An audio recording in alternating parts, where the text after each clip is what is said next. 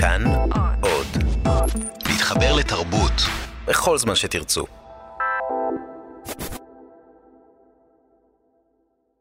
חופשה עם סבתא בברצלונה. בזבזתי את החופשה בברצלונה על איזה חדל אישים. רק שם אפשר היה להלביש בשר ואור על עצמותיו, לגרום ליד אחת שלו, למשל, להיות מונחת על כתפי. רציתי להחפיץ אותו על אפו ועל חמתי. ידוע טיבן של תשוקות הבאות מן הנקבים. האינבוקס לא זהר בפלוס אחד, אבוי. סבתא דיברה בשבח הפרטים. מוות הוא אופציה גרועה מכולן. כמה יפה הרגע. ויצאתי לדהרה ברחובות העיר. לא להתעכב, לגייס מה שאפשר, לחסר ירחי בננות מן הסל, אוכלת את הפירות שהיו בזול, ענבי המרי מתפצחים אל תעלות הלסת. נוגסת בלא טעים, חושבת על הטעים, מענישה את הרעב ברעב. דואגת שיהיה גדול יותר מן הבטן המתמלאה בפרטים הקטנים. בשובי הביתה, פניו הזורחות של בני לקראתי היו מים חיים קרים.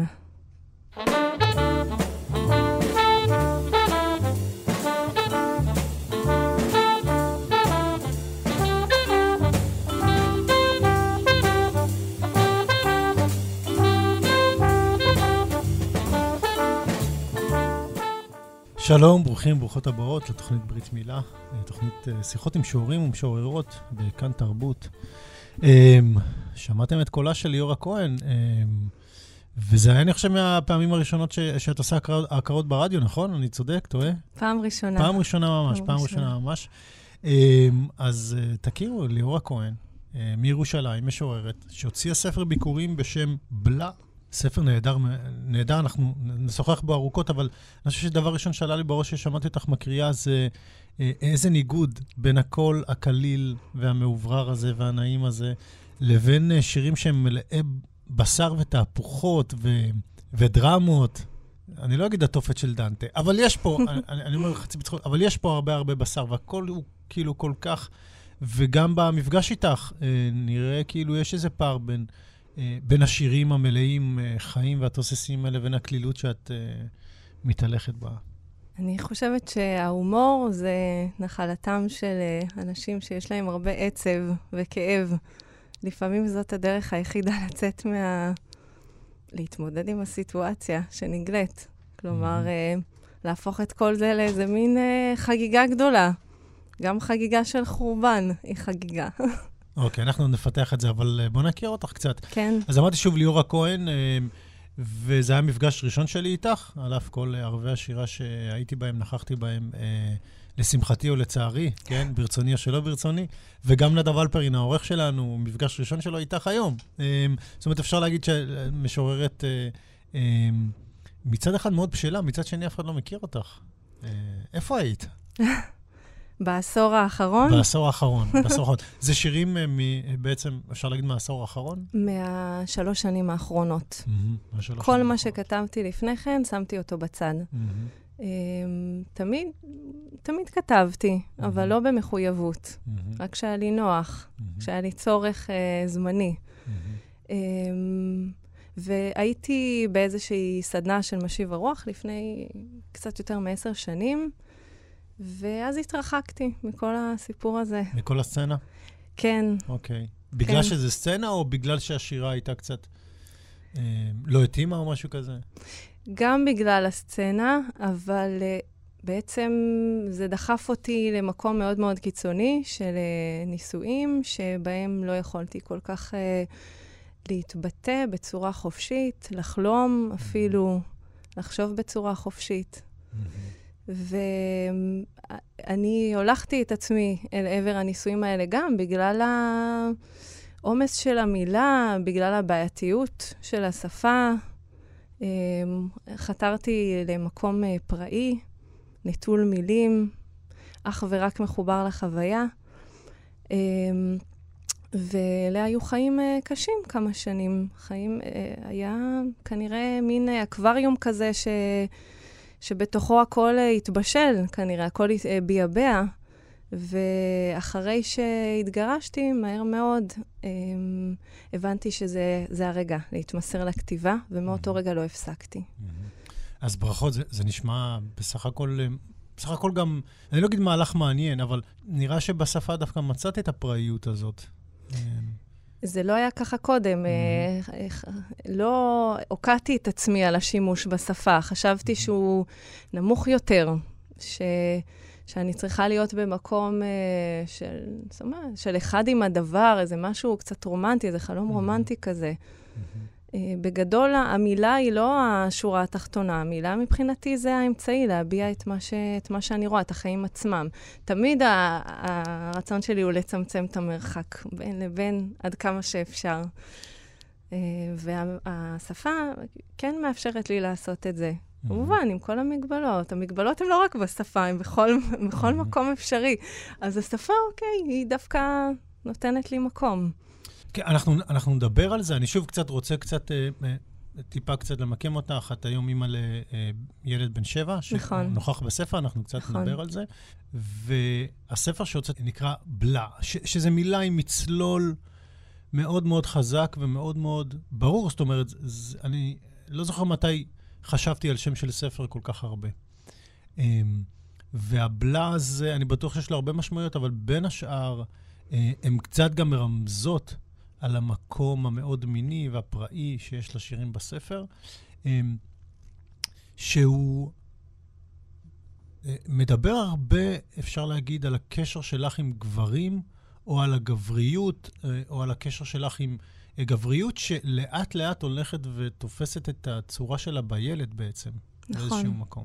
ואני אומר את זה עכשיו בהתחלה, כי זה הספר, לא בא לי לחכות שנגיע לרגע הזה, וזה הרבה פעמים כאילו מעתיקה, מעתיקה ממקום למקום, סוג של מחשבות שיכולות להיות נכונות לגברים מבוגרים, פתאום, פתאום להעתיק אותם לילד מאוד מאוד קטן.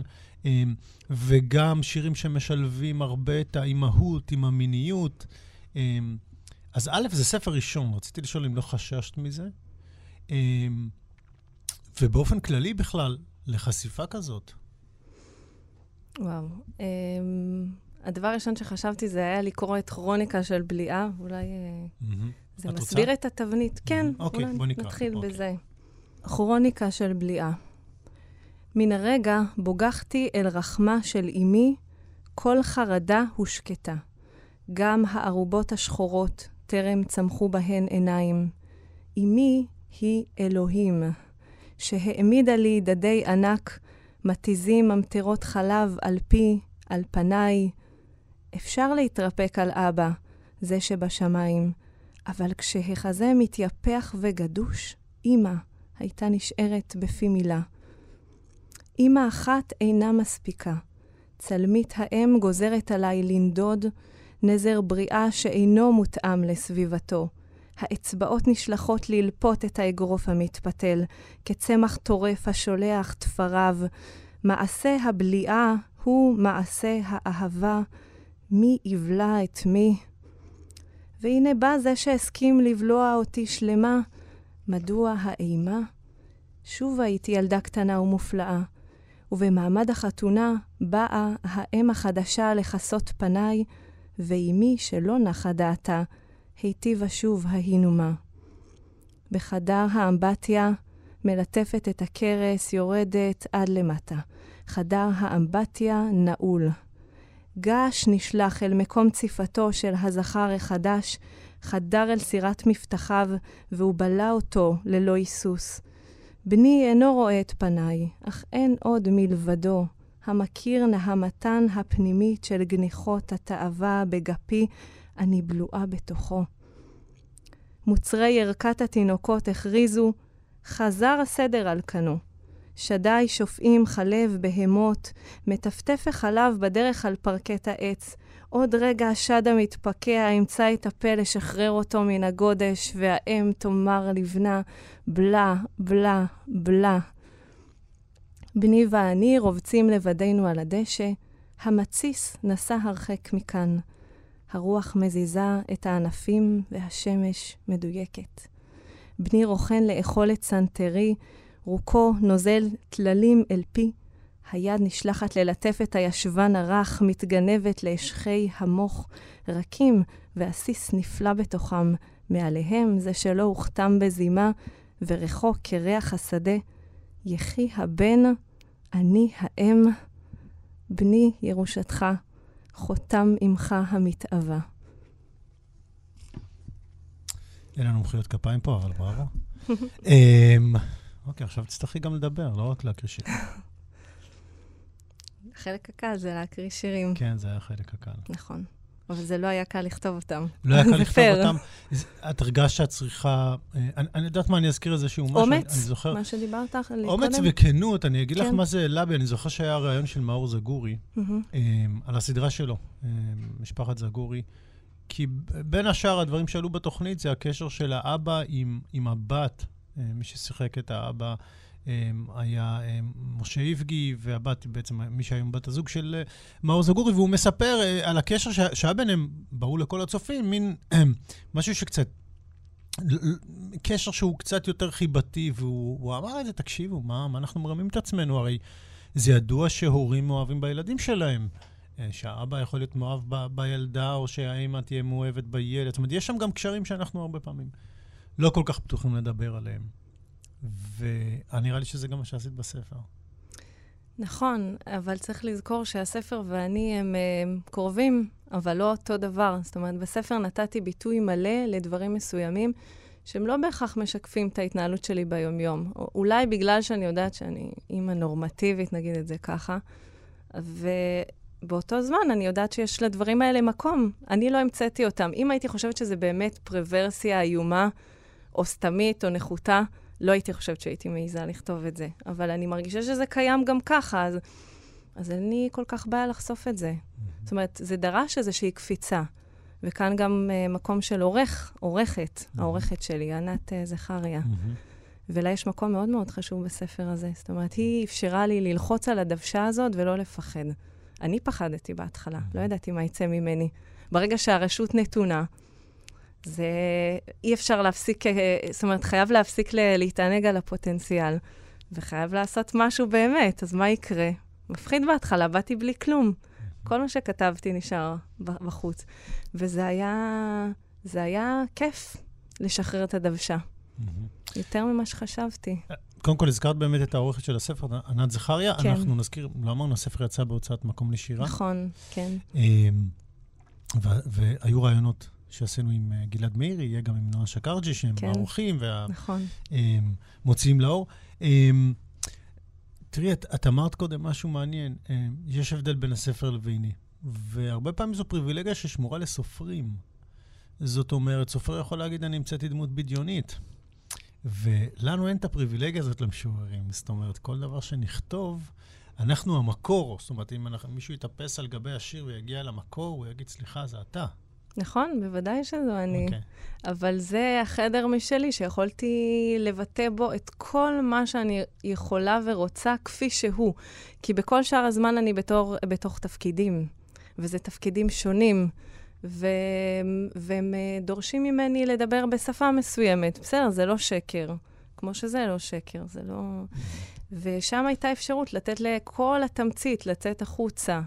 בלי uh, להתפתל יותר מדי, להגיע ישר לנקודות. בואי נשמע שיר, נצא לשמוע מוזיקה ונחזור לשיחה. קדימה. ערב ספרותי. הערב הייתי יפה מאוד.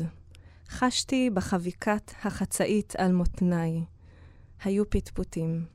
המשוררים התבקשו על ידי המנחה לערוך אולטרסאונד פואטי, לדבר את שיריהם שטרם נולדו, ורק משוררת שבנה מת אמרה, איך בכלל אפשר להשוות אימהות לשירה?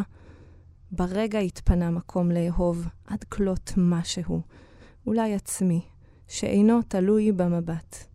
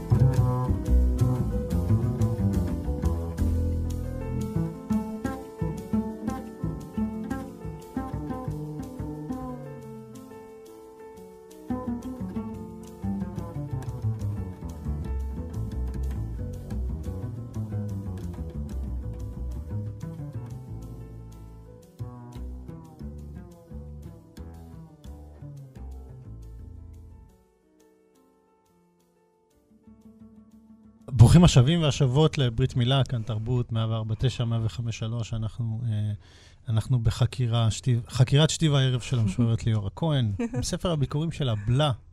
אה, ספר צפוף מאוד מבחינת השפה, מבחינת המילים, אה, ואני הרבה פעמים אוהב לחשוב על איזה דימויים עולים לי בראש. אה, ואנחנו נלך ונחזור קצת קדימה ואחורה. אה, תחושה של אדם וחווה יש בספר הזה. זאת אומרת, אה, כמעט ואין עד שנגיע אה, בערך לאמצע הספר. אה, זה בעיקר את, מי שאמור להיות בן זוגך, אולי כן, אולי לא, אבל מהר מאוד גם הולדת הילד. וקודם תיארת מצב שהיית בו בנישואין, רציתי לדעת אם, אם התכוונת שזה ייראה ככה, כי, כי בעקבות מה שאמרת לי, זה היה נשמע לי מאוד מאוד... אה, מאוד מאוד הולם את מה שסיפרת, כי זו הייתה תחושה של עולם מאוד מאוד סגור בספר. אם התכוונתי להיכנס לתוך עולם סגור? Mm, או, או לפחות לתת את הרושם הזה. Uh, תכננתי להיכנס לאיזשהו גן עדן באמת. Mm-hmm. גן עדן פראי. אבל uh, זה לא היה ככה. אבל כשהבן שלי נולד, באמת uh, היינו שנינו בתוך האקווריום הזה, במקום uh, בצפון. מבודד מכל, אה, כמעט ללא חברים, מכרים, רק אני והוא 24 שעות כפול 7 כפול 365, כפול שנתיים וחצי, עם מעט מאוד הפוגות. כן. יש מי שמוצאים עכשיו מחשבים, אני בטוח. זה יוצא הרבה. זה יוצא הרבה. ואיפה גרתם אז? אה, בירושלים? אה, לא, גרנו באמירים באותה תקופה. שזה? אה, מאז שהוא... זה יישוב uh, טבעוני בצפון. יישוב טבעוני, כניסה רק לטבעונים? לא, okay. אוקיי. לא אז באמת. אז משהו מבודד, משהו מבודד? משהו כאילו? מבודד, okay, אוקיי, הפנטזיה הרומנטית של הגליל, כביכול, של uh, האושר של הזוגות החדשים שנכנסים מול הנוף. באמת, הבית היה על צל ההר, והיה בו חלון ענק, כמו שרואים סופרים שיושבים וכותבים, עם חלון ענק שפונה לאגם. אז... וזה עובד? זה עובד? זה עוזר? לא כתבתי מילה. לא כתבת מילה. רק הענקתי והייתי עם הילד שלי כל הזמן. Mm-hmm. זה מה שעשיתי. שעה אחת טיילנו בחוץ, והאנשים, ש... רוב האנשים שם במושב, יישוב, אני כבר לא, לא יכולה, לא זוכרת. גם אצלי זה לא ברור. זהו, זה לא ברור, לא ברור, זה לא משנה. כן. למי שבא ממח... מן החוץ ואין לו את אה, סוגיית הבן הממשיך, זה לא משנה, כן. אין לזה שום משמעות. אז קראו לי האישה עם העגלה. זה בערך היה, זה היה הטייטל. לא היה לי שום זהות אחרת, וזה באיזשהו מקום עשה לי טוב. אמ, הכניסה, לה, ההתמסרות למישהו אחר, שהוא לא אני. כי לא אהבתי את זה שאני מסורה מדי למחשבות שלי ולהתעסקויות שלי, וזה פשוט שלף אותי החוצה לתוך מקום אחר. שלא הייתי עסוקה, הייתי עסוקה בהישרדות. עכשיו, הישרדות לצד זה שהיא אה, קשה, לא יודעת, בסופו של דבר אמ, קרה שם, האימהות הייתה פראית, זה כן. Mm-hmm. רק אני והוא. זאת אומרת, פתאום, פתאום מה שציפית מגבר שיגלה לך, נכון, בדיוק. פתאום ילד גילה לך. נכון, ולכן גם המימד האירוטי, הבלתי נמנע. Mm-hmm. בין היתר, יש עוד סיבות. כן. אמ, אז מה הסיבות? אני, אשמח לשמוע. לקשר המיוחד הזה. אני בחדר הלידה לא ידעתי אם אני אוהב את הילד שלי, אם אני אתחבר אליו. זה חתיכת הצהרה. Okay. אוקיי. אימא שלי ישבה לידי, והיא אמרה לי, לא יכול להיות שאת אומרת את זה עכשיו, זה לא... ברור שאת אוהבי אותו, מה זאת אומרת? זה הכי טבעי. אבל לי, להיות אימא עד היום, כשאני... הבן שלי, המילה הראשונה שיוצאת לו מהפה זה אימא בבוקר, אני אומרת, וואו, האימא הזאת זאת אני. כי אני ישר מסתובבת לאימא האמיתית, שזו אימא שלי, מבחינתי אימא שלי, זאת האימא. אז כשאומר אימא, זה מצלצל לך אימא. ברור, כן. ישר אני מסובבת את הראש, ימינה, כן. שמאלה, זה לא... עד היום, הוא בן שבע. זאת אומרת, עדיין יש לי תחושה של... שלום, אימא של הבן שלי. וואו, אני האימא, אני הטייטל של האימא, זה פשוט... זה, זה, זה טירוף, זה הזיה. אמ, וזהו, ולא ידעתי אם אני אוהב אותו, ו... ואז הוא נולד, ובאורח פלא, כן, הוא ישר אה, נגע לליבי, ממש. ישר. משהו פיזי. יש איזה תיאור ממש חזק בספר של, נכון. ה... של הלידה שלו. נכון. אולי נקרא אותו אחר כך, אבל תמשיכי. כן, הוא ממש ישר נכנס לי...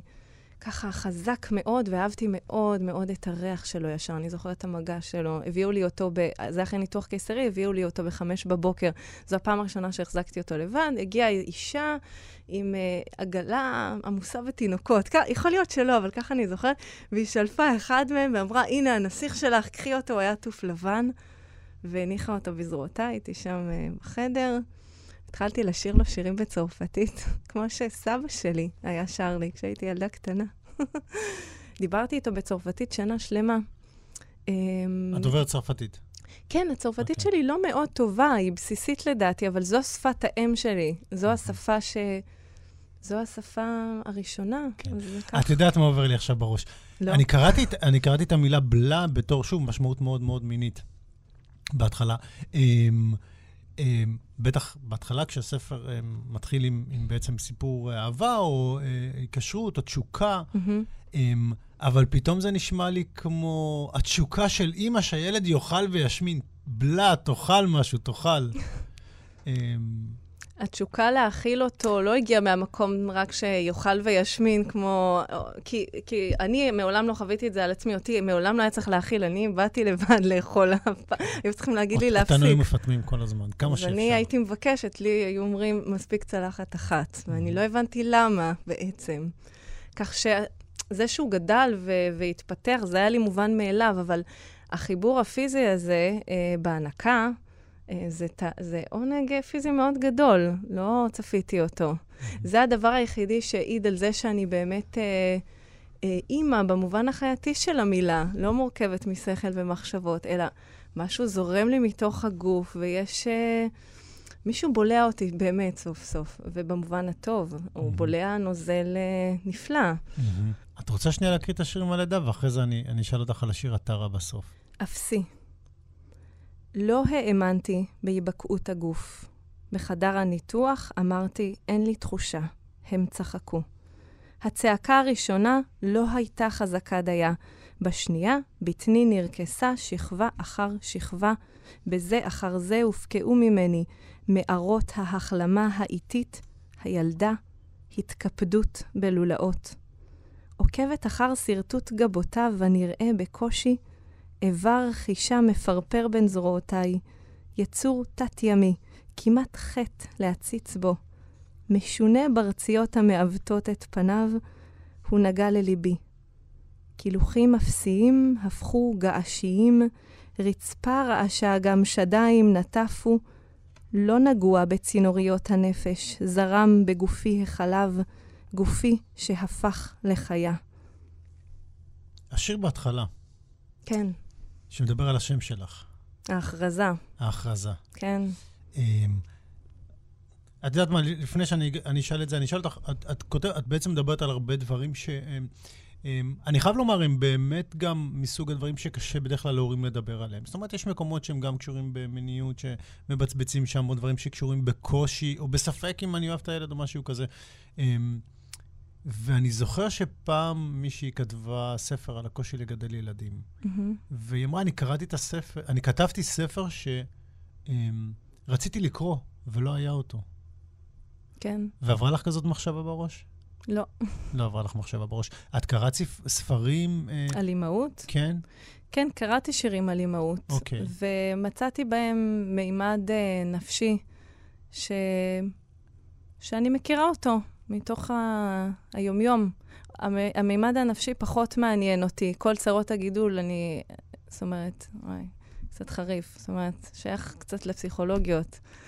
Um, יש כאן משהו מיתי, זה mm-hmm. יותר חזק, זה, mm-hmm. זה הרי גורל, זה לא mm-hmm. איזה, איזה מין משהו שנתון לאיזה דיון, איזה מין סוגיה כזאת שאפשר לדבר עליה באוניברסיטה, באיזה. פורום פסיכולוגיה.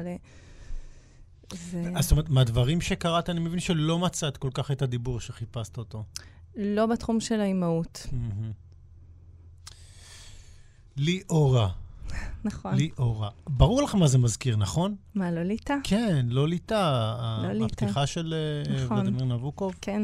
אמ, שזה התגרות ישר בתחילת הספר, אפשר להגיד באיזשהו מקום. איזה כיף שראית את זה ישר. כן, זה לא, זה לא קשה, זה לא קשה.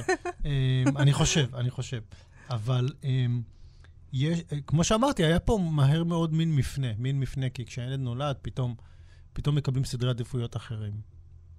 וגם רציתי לדעת אה, איך זה באמת פתאום להציב את השם שלך עם משמעות שמרמזת על ספר מאוד מאוד, אה, מאוד, מאוד אה, ידוע ב, בעצם בהתעסקות הלא לא ברורה שלו בין לאנשים מבוגרים, לילדים מאוד מאוד צעירים, שלא, קטינים בעצם, והאם כאילו היה לך באמת, כמו, כמו שאני קורא בספר, איזשהו קושי לסדר זוגיות ואימהות? זאת אומרת, בחלק מהשירים היה נראה כאילו יש איזה קושי בעצם אה, להחזיק את שניהם ביחד. וואי, זה... כמו בשיר נישואים.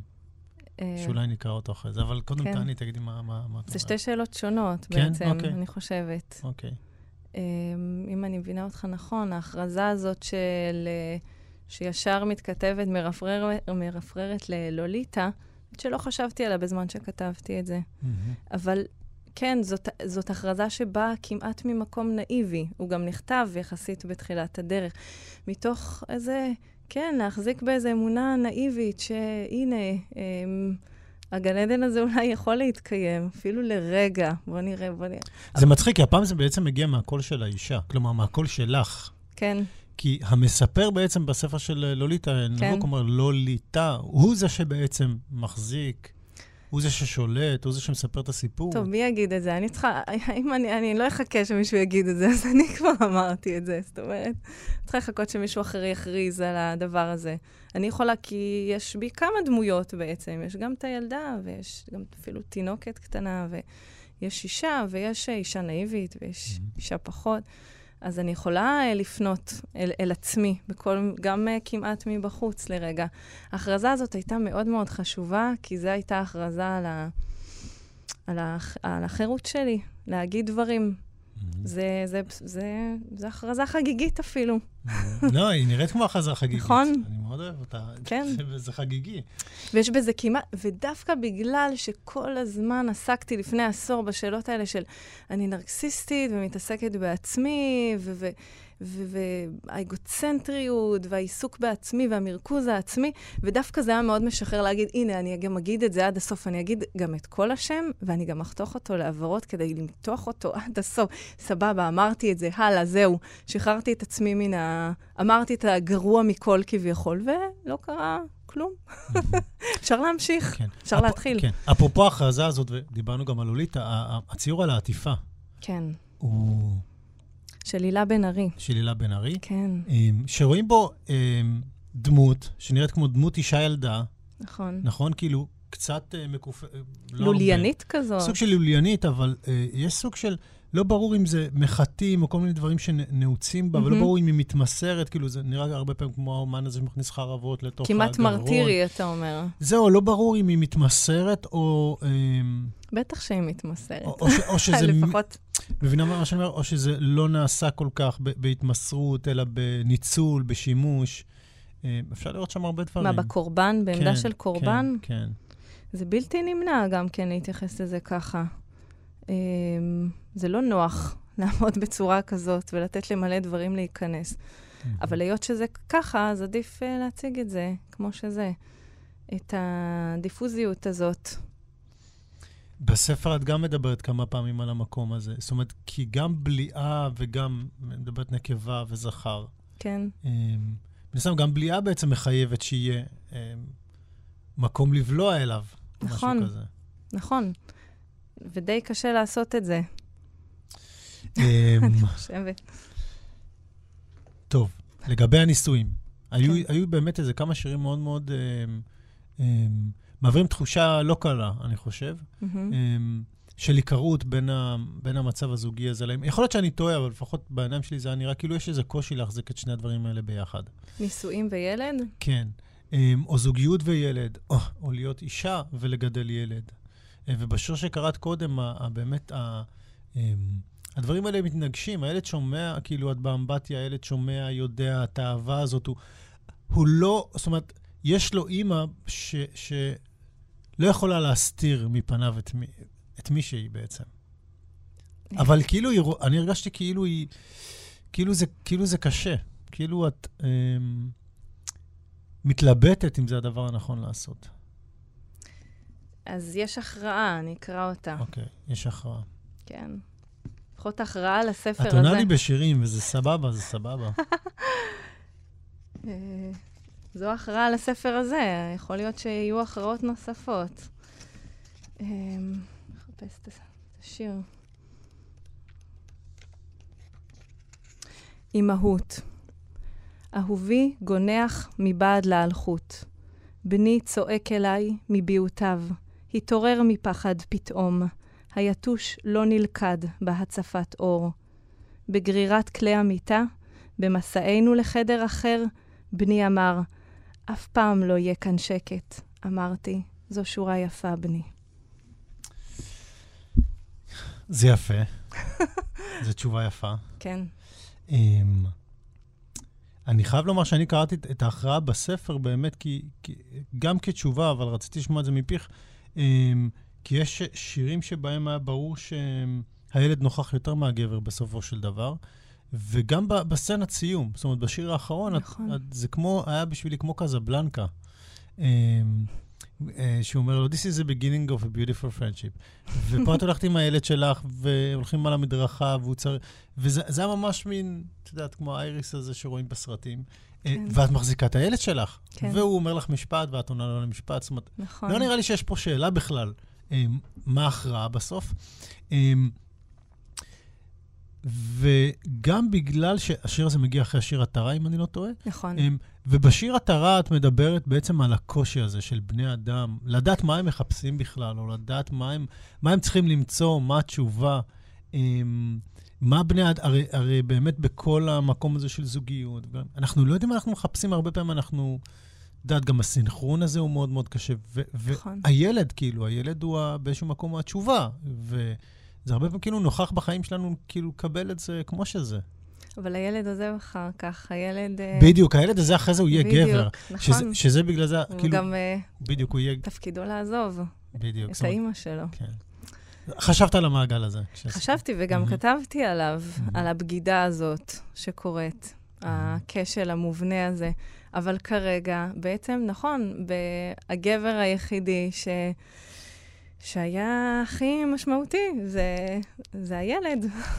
נכון. כן. ויש באמצע הספר גם תקווה שהוא יאהב אותך כמו שאבשלום אוהב את אימא שלו. אנחנו נכון, נגיע ונדבר על זה. וואי, זה כיף. אבל בואי נקרא את עטרה קודם, אני הפעם מבקש שיר בעצמי. בשמחה. ואחר כך נדבר קצת על, על העבודה שלך. עטרה. לא הועילה מגילת הקלון, לא כיסתה בורות שנבר הריח שלך בתאי. לולא הפתקה הטמונה בחזי, לא לדלג כסוסה מעל המשוכה, היית מת כבר.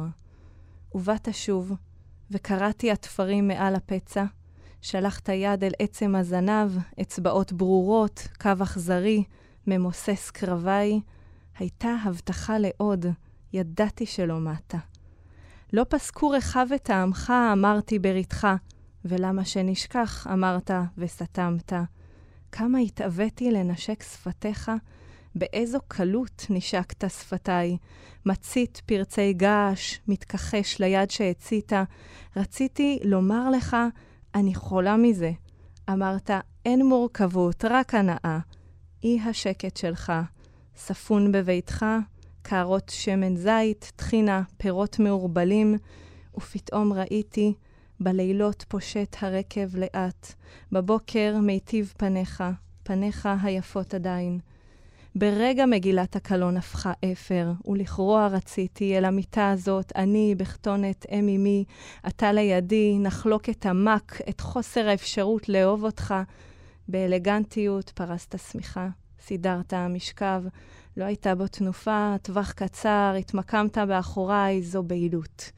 גלוי אתה בגופך היפה, גלוי הקול המתכתי, מתר נשיקותיך, עדין על עורפי, סוחט עד הקרקעית, מחמירה זריזות המשכב, לא בליעה, לא כיבוש, לא אהבה. אתמוסס עד שאגיע, לא אל נקודות העונג שלך, הבהירות לי בעצימת העיניים, לא אל הזרע שלך אשתה עד תום. אתפוס את הנקודה הזו, אתה תראה. צוב הליבה יוגר מבין קליפותינו. אביא לך פרי, אביא לך ילד, רפואה, עוד אוכל לפתות את הרועד המוחלט. ולך אמרתי, אלו ואלה ההבלים שעשיתי השנה. לילה בקצה קצהו, שמיים כחולים עמוקים ובהירו צדקה שבדקות. אני מבינה, זהו הצער שאין לו התרה. thank you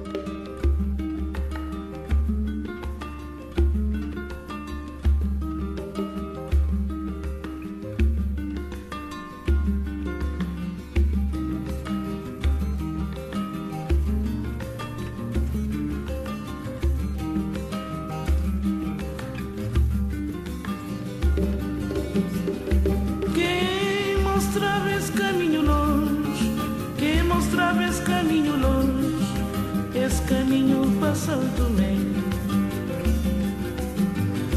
Quem mostrava esse caminho longe, quem mostrava esse caminho longe, esse caminho para Santo Tomé. Saudade, saudade, saudade desse minha terra, San Inclau. Saudade, saudade, saudade desse minha terra, San Inclau. Quem mostrava esse caminho longe, quem mostrava esse caminho longe, esse caminho para Santo Tomé. Quem mostrava esse caminho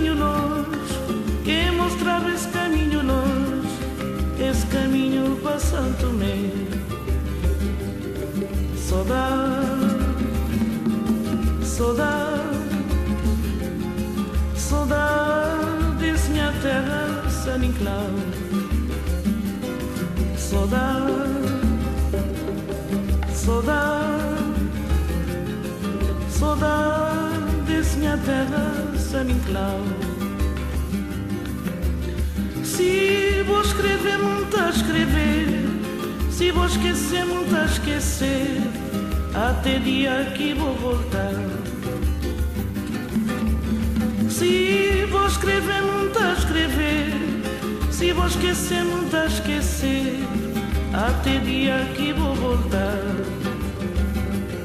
Saudade, saudade, saudade desse minha terra, San Inclau.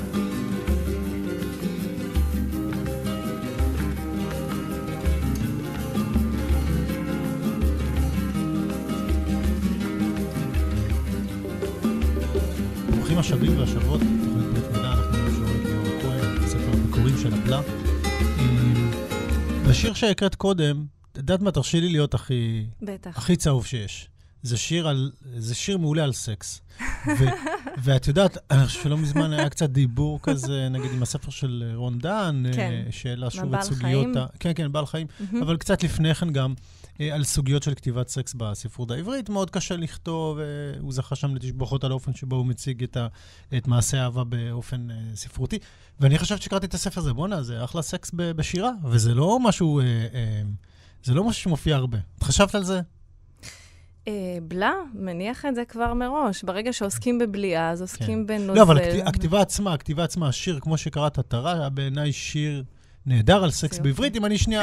נהדר, נהדר לחשוב על זה בצד. ככה. אוקיי. לא חשבת על זה, לא כזה. הכ... כאילו, לא. אמרת לעצמך חסרות סצנות, כי כשדיברתי עם לא, רון זה הרבה. פעמים היה...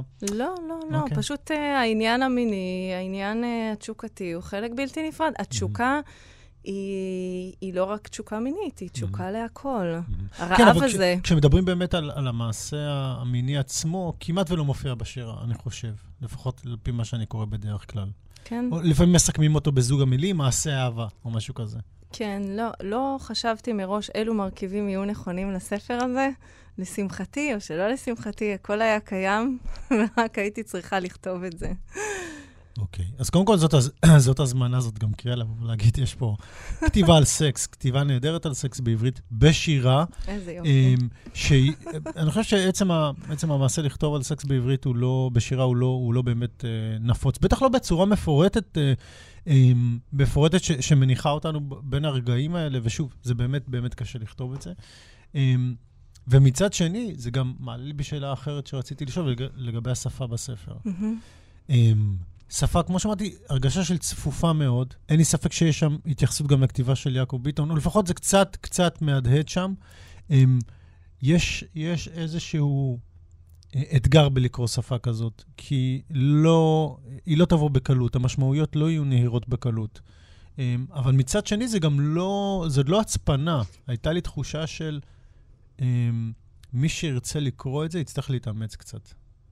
מבחינת החוויה שלי, אני מאוד מאוד נגישה. זה מהמם. תמיד מעניין שאומרים לי שצריך להתאמץ, וקיבלתי כמה משובים כאלה שצריך אה, להתמסר, אבל באופן שונה מאצל יעקב ביטון, כי אצלו באמת זו שפה נבואית שהיא באמת מגית. היא, היא כמו, כמו להגיד בלה, אבל. בכל מילה בספר, ש. בספרים שלו. אני אומרת את זה ב, בכריכה, אבל אני מרגישה שאני מדברת בשפה מאוד, אה, אפילו מאוד נפשית, מאוד גופנית, מאוד... אה, זאת אומרת, בשבילך את אומרת, זה הכי, זה, הכי זה, נגיש זה, והכי בהיר בעולם. כן, בשבילי זה, זה אני. זאת אומרת, זה mm-hmm. מה שאני הולכת איתו. Mm-hmm. כן. טוב, זה מרתק, זה מרתק. כי נגיד, הדיבור שלך פה עכשיו, הרבה פעמים אני גם כמשורר חושב על, על הפער בין הדיבור שלי ביומיום והכתיבה כן. שלי. כן. ונראה לי שמדי פעם צריך לתת לזה איזשהו מבט. מעניין, אז מה אתה יכול להגיד על הדיבור שלי כאן? אני חושב שיש הבדל. הדיבור שלך הבדל? כאן הוא אחר לגמרי מהשירים שאת כותבת. באמת? כן, אני לא אומר את זה, כ... אני לא אומר את זה כמשהו רע, כי רוב האנשים הם, אמ, יודעים שצריכות להיות פונקציות אחרות כשאני מדבר עם מישהו. נכון. אה, אני צריך להסביר את עצמי מהר בהתחלה, למשל, לעומת שיר שאני יכול להחביא את הסודות ולגלות אותם. אין את הפונקציה הזאת ביום-יום, אבל למישהו כזה, או שהוא יהיה בצבלנות מהר, או שאני אסתכן ב... אה, בתגרה לא מונית. לא מותאם לסיטואציה, כן. כן, חד משמעית, חד משמעית. במיוחד שעובדים במקום מסוים, או לומדים במקום מסוים, ומתפקדים במקום מסוים, אז זאת ההזדמנות שלי פשוט באמת להגיד, זה כמו, באמת, זה המחשבות שלי, זה הדברים שאני, ככה אני באמת מתבטאת בפני עצמי. ולכן ההכרזה, עוד פעם, להגיד... אה, אה, יהיה קשה להסביר את מה שאני אומר. עכשיו יש שם הרבה אדמה. את מתחברת לזה? מה שאני אומר? זה משהו אינטואיטיבי לגמרי. וואו. זה... אני רואה בדרך כלל מים. Okay. אוקיי. אז אדמה זה מעניין, מעניין איפה, איפה היא באמת. לא, האמת שלא חשבתי, האמת שזה מצחיק, כי חשבתי על בוץ, חשבתי על אדמה במובן של חומר, במובן כן, של חומר. כן, כן. לא במובן אה, אמורפי. מבחינתי, אני, אני עומדת מאחורי כל אות וכל מילה. זאת אומרת, זה משהו נוכח, קיים, ממשי. זה לא איזה זה לא איזה פיתול. ושם באמת העורכת שלי כל הזמן באמת הייתה, אמ, הייתה זו ש, שכיוונה אותי אל המקומות אמ, באמת הנכונים, אל שאלות היסוד. בלי האסתטיקה לשם האסתטיקה, זה לא מעניין, אין לנו זמן לזה. נכון. ויד העורך ב... זה לא יד, זה מבט גם, זה, זה מרחב אדיר אה, שהיא נתנה לי, אה, ו- והייתה המורה שלי בו. לדעת uh, לזהות גם את המקומות שאני יותר חלשה בהם.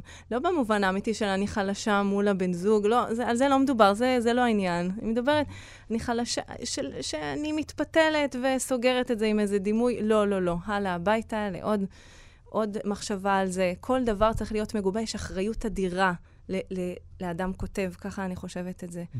וזה היה כל הזמן שם, במפגש איתה. Mm-hmm. זאת אומרת, האחריות הזאת על מה שאני אומרת, על מה שאני כותבת. אין שום, אה, אין סתם לשחק. כאילו, לשם, בשביל להגיד שאני משחקת, להטוטים. זה לא מעניין. אוקיי, אותי זה לא מעניין, יכול להיות שאנשים אחרים לא, זה מעניין אותם. אני מסכים, לא- אני חושב שזה גם המלצות נהדרות למי שמקשיב או מקשיבה וכותבים. אמ, וזה באמת יצא סוג של כמעט מיני אודיסאה כזאת. ובתוך המיני אודיסאה כזאת יש פתאום אה, קפיצה אל עולם אחר שאת אה, חיה בו. כן. וזה חלק קשור בעצם בעבודה שלך, או נכון. בהתמחות שלך גם. כן. אה, וזה טיפול בקשישים סיעודיים, אני צודק אם לגמרי, אני מגדיר את ההגדרה הזאת באופן נכון. ויש שם שתי פואמות אה, במרכז הספר, הזאת, אה, וקצת... אה, אני מניח שכל מי שרוצה לגשת לקרוא על, על, על קשישים סיעודיים, לא יכול שלא לחשוב על עצמו, שיגיע לרגע הזה. ונראה לי שזה מאוד מאוד נוכח שם. אם כי עדיין אני מנתקת את זה, גם mm-hmm. בפואמה אה, של עולם מטל, שעוסק באמת ברגעים סביב המוות, ומראה שהם לא אחידים, שיש mm-hmm. כל מיני גוונים בעצם. אני עדיין עושה את החשבונות הקטנוניים שלי. אני מסתכלת על, אה, על הזרוע האחורית שלי, אני עדיין יודעת שאני mm-hmm. צעירה. זה אולי גם מה שמאפשר לי להתבונן. אילו הייתי אישה זקנה, אולי לא הייתי יכולה לכתוב את הפואמות האלה. זה מפחיד מדי, זה איום כן. מדי. אוקיי, אז אני רק אגיד את זה קצת בצורה יותר ברורה, שתי פואמות שקשורות לעבודה שלך. כן. אה, אז אני אגיד, אני אה, עובדת בתור אה, דיאטנית קלינית, בתוך מחלקה סיעודית, מוסד גריאטרי, וגם אני עושה דוקטורט בנושא טיפול באנשים עם דמנציה בתוך מוסדות. זאת אומרת, אנשים זקנים. אני דוקטורנטית לגרונטולוגיה באוניברסיטת חיפה. כמה מילים שלא הבנו כל כך, אבל בגדול, את הכיוון גרונטולוגיה כן. זה חקר הזקנה, כן. זאת אומרת... חקר הזקנה, אוקיי. כן, חקר הזקנה. עכשיו, חקר הזקנה זה דבר רחב מאוד, אבל עוד פעם, ההתמקדות שלי היא סביב זקנים בתוך מוסד סיעודי. זאת אומרת, מוסד לטיפול ממושך. מין המקום הזה שמבריח אנשים, איזה מין אה, עולם אה, תחתון כזה שלא רוצים... לא סתם המחלקה הסיעודית היא בקומה מינוס אחת בתוך הדיור המוגן. זה לא מקרי בעיניי. וואו. אוקיי. אז בין השאר, את בעצם גם עובדת ומטפלת? זאת אומרת, את עושה את זה בפועל? גם נמצאת כן, במקומות האלה? כן, בפועל זה חשוב. כן. זה חשוב מאוד. את לא יושבת במשרד וקוראת מחקרים כל היום, משהו כזה? גם וגם. גם וגם. אני אומר, כן. כאילו, לא רק, אבל גם וגם. נכון, בלי להיות שם, בלי לגעת, זה לא שווה. אני לא הייתי יכולה לכתוב דבר כזה. זה לא הוגן. וההתנסויות האלה מופיעות בספר בעצם? כן, בצורה רחבה ומפורטת. מאוד, כן, כן, מאוד רחבות. אז רציתי לשאול קודם כל לגבי העבודה הזאת. כן. כמה היא קשה. אמ, אני מתכוון לא רק פיזית, כמובן, אלא גם נפשית. והאם היה לך קל להכניס את זה לתוך ספר שירה? אמ, העבודה היא, היא לא קשה באופן שיותר קשה מדברים אחרים. אבל כמו שאמרת, היו אנשים שבורחים מזה, רוב האנשים שאני נכון, מכיר היו אומרים... נכון, אבל אני מרגישה ש... שזו זה מה ש... זה המתנה שקיבלתי. כלומר, עם בני נוער, למשל, לא הייתי יכולה לשרוד, מאוד קשה לי, אבל uh, אנשים זקנים, וגם uh, להבדיל, ואני באמת אומרת להבדיל, ילדים קטנים... בני נוער דווקא היה לך יותר קשה? מאוד. כן. לא יכולה, אני מפחדת. אבל אני לא מצאה, זה לא נגיש לי. אבל יש משהו בזקנים, אבל אני אומרת את זה כהכללה, זה לא פייר לעשות מזה הכללה, כי יש זקנים שאני אוהבת, זקנים, זה בני אדם, וזה לא הזקנים. אבל um, אני אהבתי מאוד את רובם, זאת אומרת, שוכני המחלקה הסיעודית. Mm-hmm. שכמעט לכל אחד מהם מוקדש איזה סוג של נכון, פרגף יש, כזה. נכון, נכון. בעצם בעבודה שלי כדיאטנית, אני צריכה להיצמד לנהלים של משרד הבריאות ולהצמיד כלכלות ראויות ומתאימות לפי הנחיות. יש מודלים מאוד רפואיים עדיין של התייחסות לטיפול. ואני בעצם השתמשתי בכרטיס הזה של הדיאטנית הקלינית. היום אני יכולה לגלות את זה, כי זה כבר, כבר חשוף וברור, אבל הלכתי עם זה כאין סוד כזה, שאני מעבירה את הכרטיס. אבל בשביל מטרות אחרות לגמרי. זאת אומרת, אני עושה את מה שמוטל עליי, וזה לא העיקר. העיקר הוא להיות, עוד פעם, קרובה ככל האפשר. יש משהו ב... במחלקה הסיעודית הזאת, שהזקנים שם מגיעים אחרי עבר, הם, הם היו בני אדם. זאת אומרת, הם פעלו, תפקדו, נשאו את עצמם בדרך זו או אחרת, אה, חוו אה, אהבה, כישלונות, אובדנים, זה, mm-hmm. זאת אומרת, כל המילים האלה של... וכשהם מגיעים לשם? וכשהם מגיעים לשם, האגו נמחק, בטובתם או שלא בטוב... ברצונם או שלא ברצונם, כמובן שלא, מן הסתם שלא ברצונם. אין שם, אין שם מסכות, הכל מאוד מאוד פתוח. התקשורת איתם מאוד מאוד, אה, מאוד מאוד פתוחה. אה, מבחינתי, כי גם לא מעניין אותם מי אני, מה אני, הם מזהים אותי כמשהו טוב. זה באמת טוב. נראה כאילו, כאילו הם חסרי זהות. כשהם מגיעים לשם. נכון. ובשירים שלך את מנסה להעניק להם את הזהות הזאת חזרה. נכון. בזה שאת מתארת אותם ומעניקה לכל אחד מהם חזרה את הייחוד שלו. לא, ב- התיאור מדגיש את זה, אבל המעשה של הענקת הזהות היא, היא דרך uh, הקרבה אליהם, ממש mm-hmm. הרצון להתקרב mm-hmm. ולראות את זה. זאת אומרת, זה שאני רוצה, מה זה מרוצה? או מוכרחה למצוא את צלם האנוש בתוך uh, כל הסיפור הזה, זה משהו שאני לא יכולה להסביר איך קיבלתי את זה. זאת אומרת, זה משהו ש... ככה אני הולכת, אחרת כולם uh, מחוקים. זאת אומרת, לא כולם, אבל זה יותר מורכב, כי יש בני משפחות, ויש... זה לא רק רעים וטובים. פשוט כשנקלעים לתוך מוסד, האדם uh, מופשט מאוד מהר מהעצמיות שלו והזהות שלו, כי יש סדר מוסדי. וגם אדם עם דמנציה כבר לא יכול, הרבה פעמים בשלבים מתקדמים, לשאת את עצמו, לתווך את עצמו, את החיים שלו. מישהו אחר צריך לעשות את זה בשבילו. מישהו צריך, אחר צריך לראות אותו. אחרת הוא... אז אני שואלת אותך אם זה היה קל לכתוב את זה, אולי זה לא הניסוח הנכון של השאלה. אמ, אמ, אמרתי את זה קודם, הייתה לי הרגשה שכאילו כאילו את רוצה להעניק להם מחדש את, נכון, ה, את הייחוד נכון, הזה. נכון, נכון. אוקיי, משהו שעבד להם כשנכנסו למקום, למוסד או הזה. או גם אולי קודם לכן. אמ, הזקנה היא לא מיטיבה, mm-hmm. לרוב. Mm-hmm. אפילו אדם זקן שהוא צלול, מה שנקרא במונחים המקובלים, הוא עדיין נשאר מאחור. אנחנו כל כך מתקדמים, אין לנו סבלנות לזה, לאיטיות הזו. Mm-hmm. זה כבר נעשה כמעט לא רלוונטי. אנחנו לא נותנים מקום באמת לזקנים, אני חושבת. וזה היה מבחינתך לתת, לתת את המקום הזה? כן, בקט... בקטן, אה, כל פעם בקטן, בהבהובים. אני לא הייתי אומר ואגיד, הנה, חילצתי אותם מתוך תאומות הנשייה או משהו כזה. Mm-hmm. הרבה פעמים בני משפחה שעמדו לצידם וסעדו אותם, גם זה הפך להיות מערכת מורכבת כזאת ומעניינת. בני המשפחה יכולים לעזור, לקרב גם כן. שאלה שישר אני שאלתי, שאלתי את עצמי, כשעסקת בזה, אמ, כשעסקת בזה בספר וכתבת את זה, אמ, הרי אם החיים את מעניקה להם בדרך כלל אמ, המון המון אה, סימנים של תשוקה ומיניות, האם את תחפשי את זה אצל זקנים כדי לדעת האם הם חיים או מתים? האם את אמ, תסתכלי לראות אם הסימנים האלה קיימים או לא? הם קיימים, mm. בטח. וגם אני מעניקה להם את החלק הזה. זו mm. מתת הצעירות שתחלוף מתישהו, אני מנסה לא לחשוב על זה. אבל עצם זה שבאה אישה צעירה ושוקקת ומקרבת את פניה לנשיקה ומחבקת, בוודאי שמשהו מתוך האנרגיה הזאת עובר, ואני חושבת שצריך אה, לתת גם להם את זה. זה... עכשיו, יש גם הבדל בין גברים לנשים. חשבתי okay. על אוקיי. זה רק mm-hmm. בתוך המחלקה, mm-hmm. בתוך המוסד.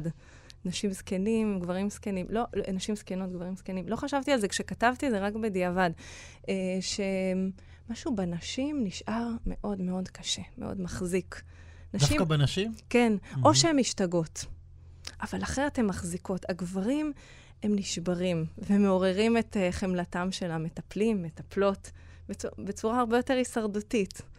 ושמתי לב לזה כשהתחלתי לי, אה, לכתוב את החלק, הש... אחרי שקראתי את החלק השני וראיתי שהוא עוסק אה, בפואמת המחלקה הסיעודית, וראיתי שהוא עוסק בהרבה גברים, ואיך מגייסים מתוכי את החמלה הזאת, ואנשים הם כמו אימהות חזקות, האימהות שלנו.